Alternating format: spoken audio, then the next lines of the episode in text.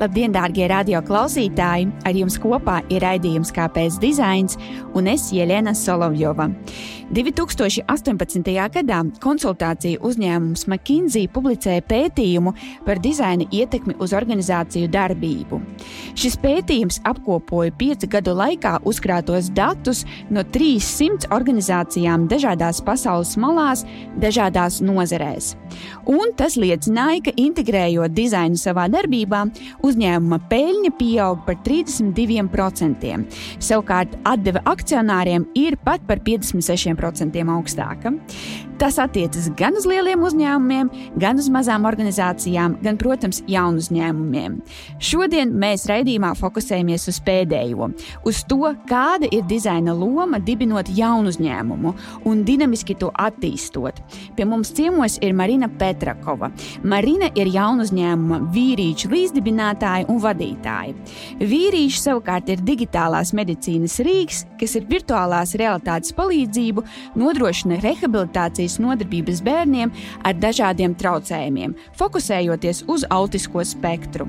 Marina ir arī Riga Tegals organizācijas līdzradītāja un ir arī aktīva vairāku tehnoloģiju un dizaina kopienas dalībniece. Kāpēc dizains? Marina, man ir liels prieks tevi satikt. Vispirms saliksim punktus uz īja, tā var sacīt. Nu, ir lieli uzņēmumi, ir mazi uzņēmumi, un tad ir jauni uzņēmumi, jeb jaunu uzņēmumi. Tu vari mazliet vairāk izstāstīt par šo konceptu, kas ir jaunu uzņēmums, Jaunu uzņēmuma koncepts eh, diezgan pamatīgi sākumā atšķirās no parastā biznesa, ja tā var sacīt, un atšķirās tādā veidā, ka jaunu uzņēmumam parasti ir cita veida finansējums, respektīvi eh, Latvijā ir tā teikt eh, venture capital, tā nosaukts finansējums, kad tu piesaisti finansējumu no riska kapitāla investoriem. Ja? Un otra milzīga atšķirība, ka jaunu uzņēmums viņam ir pieejams pienākums kā godīgai komandai augt un attīstīties daudz, daudz ātrāk nekā biznesam. Atšķirība ir sekojoša. Ja mēs būtu biznesa, mēs pārdotu vienkārši virtuālas realitātes eh, programmatūru pieciem uzņēmumiem.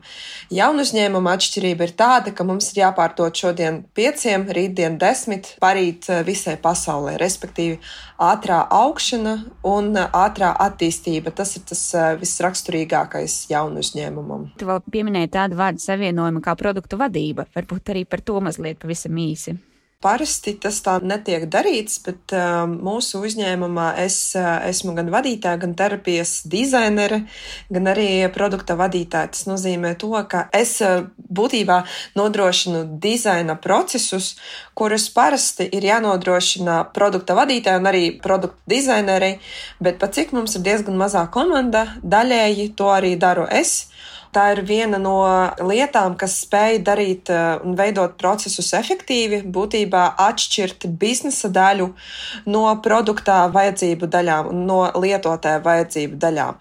Kā mēs varam redzēt to jaunu uzņēmumu komandu, tas noteikti ir biznesa attīstības cilvēks, kas ir vadītājs CEO, tas ir tehniskais līderis, eh, tas ir arī iespējams mārketings vai arī PR cilvēks.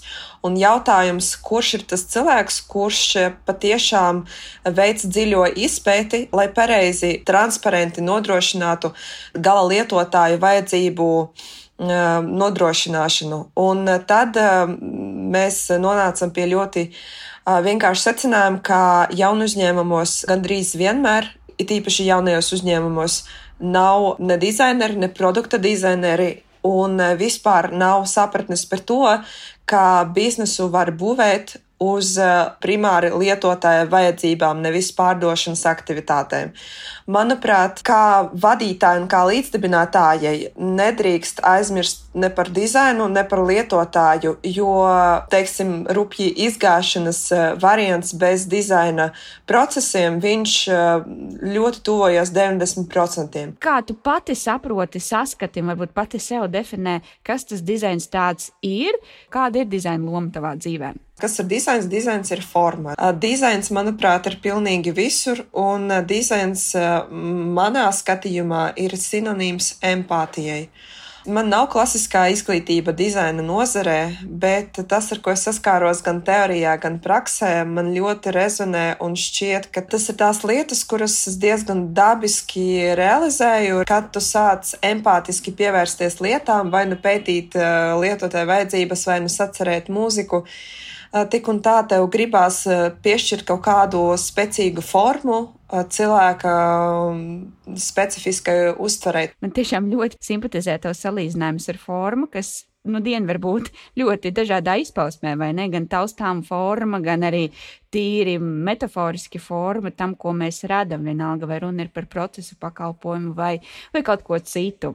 Kā dizains top šobrīd jūsu komandā, kurš par to vispār ir atbildīgs? Un nu, tad arī atkal atgriežamies pie tā, kāda tam ir nozīme jūsu darba procesā. Manuprāt, tā ir diezgan komplicēta lieta, un uh, atbildēsim pēc iespējas ne uh, startupiski, jo startups nozīmē haosu pirmkārt, un otrkārt, uh, tajā agrīnajā stadijā, kad jaunu uzņēmums aug, būtībā visiem komandas locekļiem ir jādara viss. Nu, neteiksim tā, ka es paņēmu kaut kādus tehniskus darbus un kodēju, gan nē, bet cita veida dizaina darbi, tas ir tas, ko vairāk vai mazāk pamatā veicu es, veic arī mūsu kolēģe, produkta vadītāja Olga Mielņikava. Viņa mums pievienojās, ka viņa dzirdēja to, ko mēs darām, un viņa teica, hei, es uh, drusku pastrādāju dizainā, es gribētu jums palīdzēt ar grafisku daļu. Un uh, tas, cik viņa iedziļinājās un cik dziļi viņa gribēja saprast, kā palīdzēt arī viņas valstī, jo viņa nedzīvo Latvijā, bet uh, viņa ļoti dziļi ir iesaistīta autisma nozarē, un viņa vienkārši paņēma visus dizaina procesus uz sevi, bet joprojām mēs to drusku atdalām viens no otrā. Viņa drīzāk nodarbojas ar tādu lielāku formu, ar grafisko pusi, un es pārsvarā nodarbojos ar lietotāja vajadzību izpēti, ar uh, procesiem, kā to visu norganizēt, lai tas arī saskan ar tehnisko izpildījumu, un arī ar to, lai tā pacienta pieredze un klienta pieredze pilnīgi atbilst uh, mūsu produkta vajadzībām. Respektīvi, mūsu gala lietotājs ir bērns ar autisko spektru vai nu bērns ar citiem funkcionāliem traucējumiem, piemēram, ar valodas traucējumiem. Otrs mūsu lietotājs ir uh, veselības aprūpes speciālists audiologopēds, ergoterapeits, kurš pielieto lietotni. Un trešais ir tas bizness, kurš miedarbojās ar mūsu produktu, jo mēs esam gan B2B, gan B2C. Katrā tajā gadījumā ir eh, dziļi jāizprot tās vajadzības un dziļi jāpieskaņojas. Tas, ko mēs darām, mēs mēģinām ar tehnoloģiju palīdzību pieskaņoties um, diezgan daudzu problēmu risināšanai, ko mums dizains palīdz uh, risināt vienā laikā daudz dažādu komplicētu struktūras problēmu. Piemēram, pirmā problēma ir tajā, ka bērni ar autisko spektru, viņiem diezgan um, daudz laika aiziet, lai iegremdētos pašā rehabilitācijas terapijā. Varētu paiet mēnesis, divi vai pat gadi, kad viņš sāks uh, kaut kādu interakciju ar speciālistu. Tā ir pirmā problēma. Un otrā problēma, ka būtībā medicīnā, eh, it īpaši šajā nozarē, nav digitalizēta veselība, visi izraksti, visa terapija, visi materiāli ir eh, papīra formātā, un tā ir arī diezgan liela problēma. Un tad mēs atgriežamies pie pirmās problēmas, ka mūsu uzņēmums risina problēmu, ka bērni nesaņem to rehabilitāciju saulaicīgi, un tad mēs esam pie dizaina atpakaļ, jo būtībā tas, ko mēs veidojam, gan tā lietotne, caur kuru vada nodarbības pats eh, speciālists, gan arī tas bērns, kurš redz noteiktu pieredzi virtuālās realitātes brillēs. Mums ir vairāki produkti, vairāki dizaina paradigmas. Viena paradigma ir priekš vienam lietotājam, otra paradigma priekš bērnam. Mēs to darām kopā, bet arī ļoti bieži to daru es, kā cilvēks no medicīnas un kā cilvēks no drīzāk formas un arī nedaudz no satura. Saturs vienmēr, manuprāt, nāk no formas, un diezgan reti nāk vienkārši formā ne no kā. Kāpēc dizains?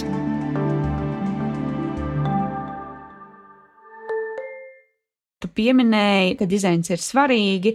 Varbūt es uztvēru neprecīzi, bet tavs novērojums ir, ka nevienmēr jaunu uzņēmumu dibinātāji un jaunu uzņēmēji kā tādi to apzinās.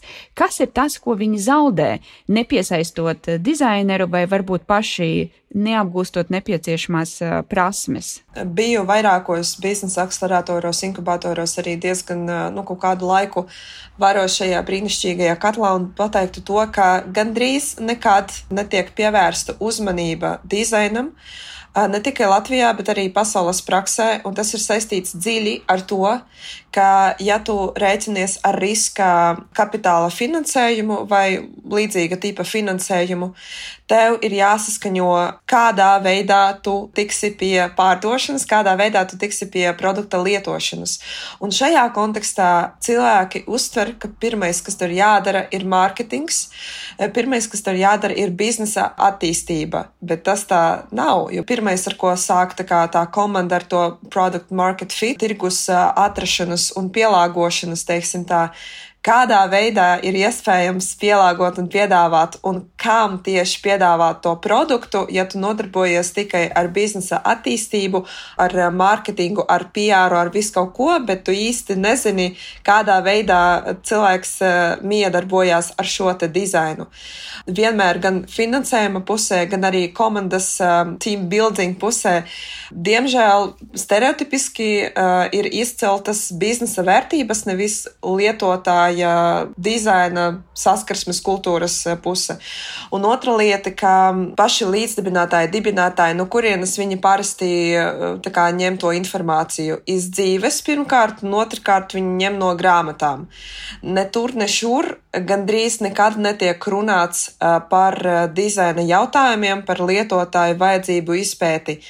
Un, manuprāt, tas ir tas, ko var diezgan vienkārši, diezgan ātri izmainīt, un tas ir jādara. Jo būtībā tas, ko viņi zaudē, viņi zaudē laiku, viņi zaudē ļoti praktisku naudu, kamēr viņi veido pārdošanas, to sales funnel, kamēr viņi veido produkta kā, pielāgošanu tirgumu, viņi neveic to dziļāku izpratni. Viņi nevar saprast, par ko lietotājs maksās, kādu ietekmi lietotājs dabūs kāds ir tas produkts un kā viņam ir jāmainās. Ļoti bieži ir produkts un kaut kādā brīdī kaut kas notiek un ir jāpivotē. Jāpivotē nozīmē to, ka pilnīgi jānomaina stratēģija un dažreiz produkts. Un tas arī notika Covid pandēmijas sākuma laikā, kad būtībā ļoti daudz eh, cilvēku dibināja uzņēmumus, jaunu uzņēmumus ar produktiem, kas ir vērsti uz to laiku, kad nebija pandēmijas. Un būtībā tas, kas viņiem bija nepieciešams izdarīt, pilnvērtīgi pielāgot viņu produktu jaunajiem apstākļiem, kad visi pakalpojumi tiek um, nodrošināti attālināti. Kas varētu šeit palīdzēt? PR, nu, diez vai mārketings, nu, nu tā kā arī nē. Biznesa attīstība, nu, arī baigi nevarētu tā teikt. Līdz ar to tur bija dziļi jāizprot, um, kas ir tas, kas būtu nepieciešams lietotājiem un par ko viņš maksātu šajos apstākļos. Šo te izpēti nevar veikt pa vienu dienu un iemācīties pa vienu dienu to arī nevar. Akceleratoros par to nestāsta, grāmatās par to neraksta. Tas ir tas, pie kā tu nonāc diezgan empātiski un intuitīvi, un daži nonāk, daži nenonāk. Tas ir tā lieta, ka kas ir um, spilgti jāizdala katrā jaunuzņēmēja dzīvē, ka būtībā jums ir ļoti daudz dažādu resursu, kurus jūs varat ļoti daudzveidīgi iztērēt, bet visātrākais ceļš līdz jūsu panākumam ir caur dizainu un nekā citādāk manuprāt. Marīna, es tev, protams, pilnīgi piekrītu, un zinu, tevī vēl klausoties, es iedomājos vēl vienu lietu, ka, manuprāt, jau arī pašiem dizaineriem būtu vērts izrādīt lielāku aktivitāti, ko es ar to domāju. Jo redzi, vēsturiski dizaina joma ir attīstījusies tā, ka pirms simts gadiem dizainers eh, strādāja, nu, piemēram, fabrikā un bija stipri atkarīgs no tā, eh, vai viņa dizainu kāds ražos vai neražos. Bet pēdējie 10, 20 gadi, pateicoties jaunajām tehnoloģijām, pateicoties šīm jaunajām iespējām, pūļa finansēšana un kas tik vēl ne, ir iespējošas arī dizaineru iesaistīties krīzē krietni aktīvāk ar savām idejām un uh, ļaujot šīm idejām kļūt par realitāti. Man uzreiz nāk prātā vairāk jaunu uzņēmumu, kur savukārt arī dizaineri ir bijuši kā līdzdibinātāji, un uh, liela daļa no tiem ir arī patiesi veiksmīgi. Nu, piemēram, Airbnb vai ne, kur pati ideja kā tāda bija balstīta uz to, kā mēs varam lietotājiem vai ne palīdzēt izdarīt, realizēt pakalpojumu tādā veidā, kas tieši viņam ir aktuāls. Es arī labprāt eh, izceltu mūsu jaunu uzņēmumu, jo būtībā pa vienu gadu, cik mēs eksistējam, jā, mums pirms tam tas produkts tika izstrādāts, validēts, testēts vairāk par četriem gadiem, bet pa to vienu gadu laiku mēs spējām rādīt vairākus sarežģītus risinājumus. Pirmkārt, attālinātā medicīniskā rehabilitācija, kognitīvā rehabilitācija bērniem um, ar dažādiem traucējumiem, kas ir pilnvērtīgi attālināti, respektīvi speciālists var, var būt uh, Portugālē un pats bērns saņem to pakalpojumu virtuālajā realitātē un, un dabūt tos rezultātus, esot Latvijā. Un tas ir tāds pirmais gadījums Eiropā un iespējams, kā arī pasaulē. Un tas ir tas, ar ko es domāju, Latvija varētu lepoties, ka pateicoties gan dizainam, gan arī empātiskai pieejai diezgan sarežģītajos apstākļos, mēs spējām rādīt risinājumu, kas dod to rehabilitācijas nepārtrauktību, un tas ir diezgan svarīgi. Ne tikai priekš tiem, kuri saņem tos pakalpojumus, bet arī no dizaina skatu punkta, jo bez dizaina tas produkts ir vienkārši plikas brīles, plika lietotne. Jā.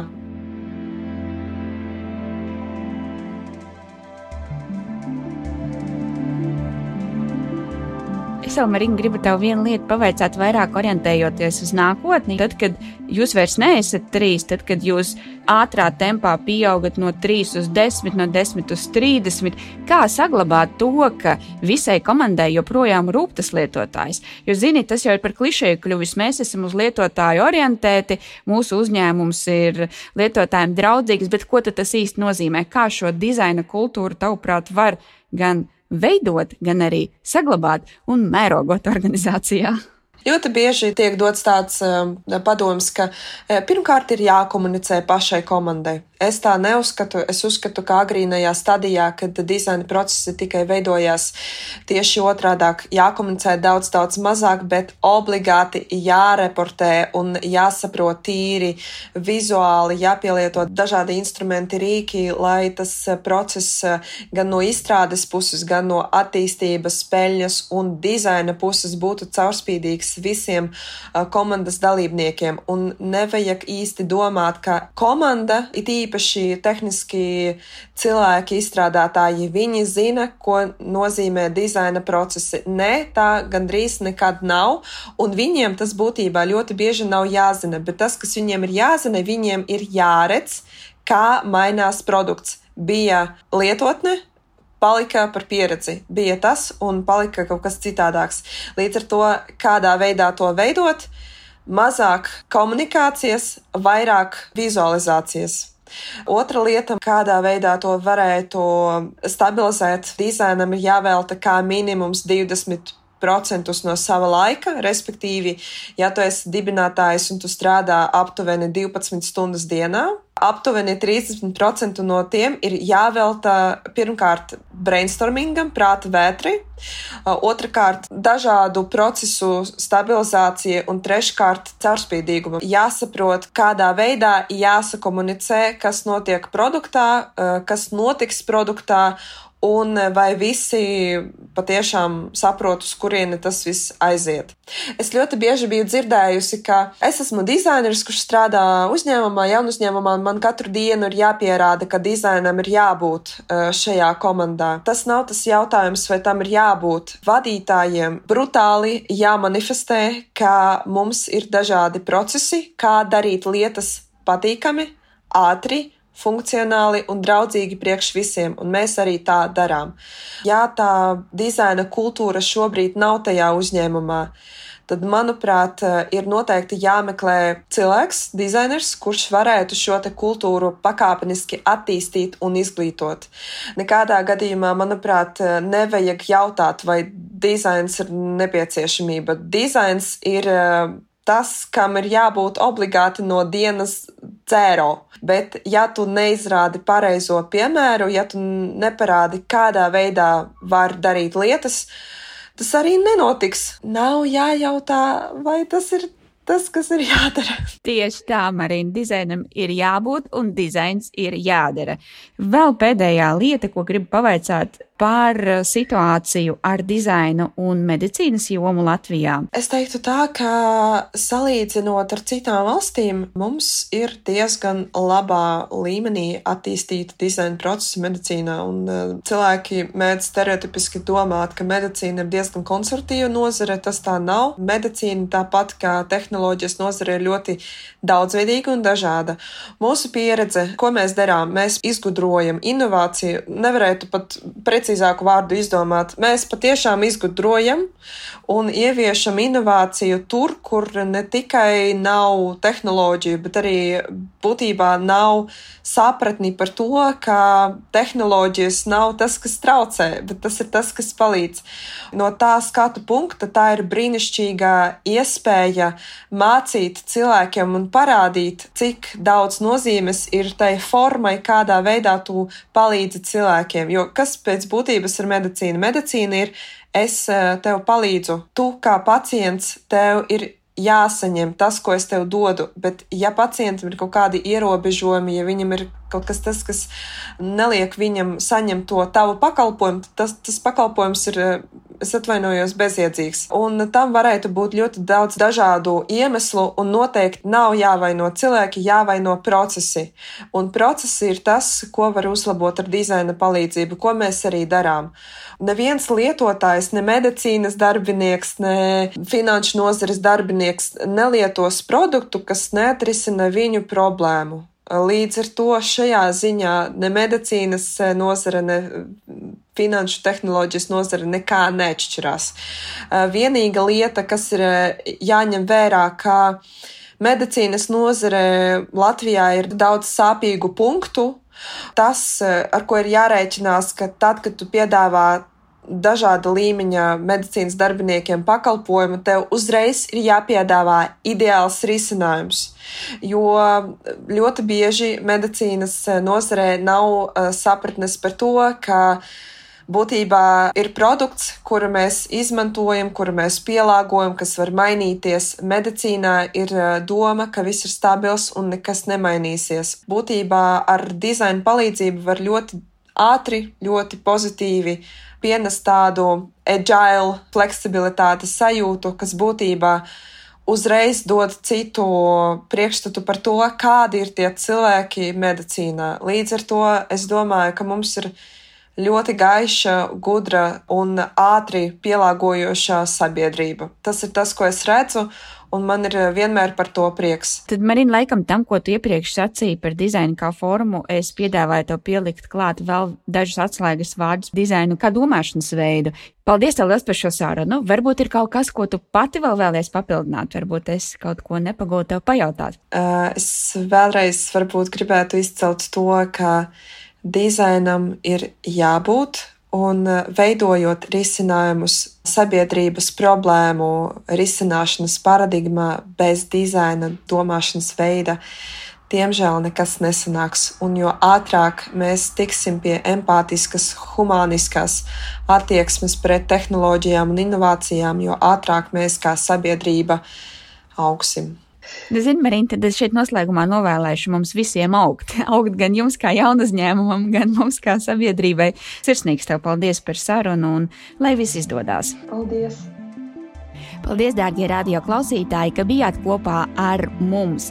Raidījums, kāpēc dizains ir noslēdzies. Šodien ar jums studijā biju es Jelena Solovjova un pie mums ciemojās Marina Petrakova. Raidījums ir tapis ar Valsts kultūra kapitāla fonda atbalstu. Uz redzēšanos!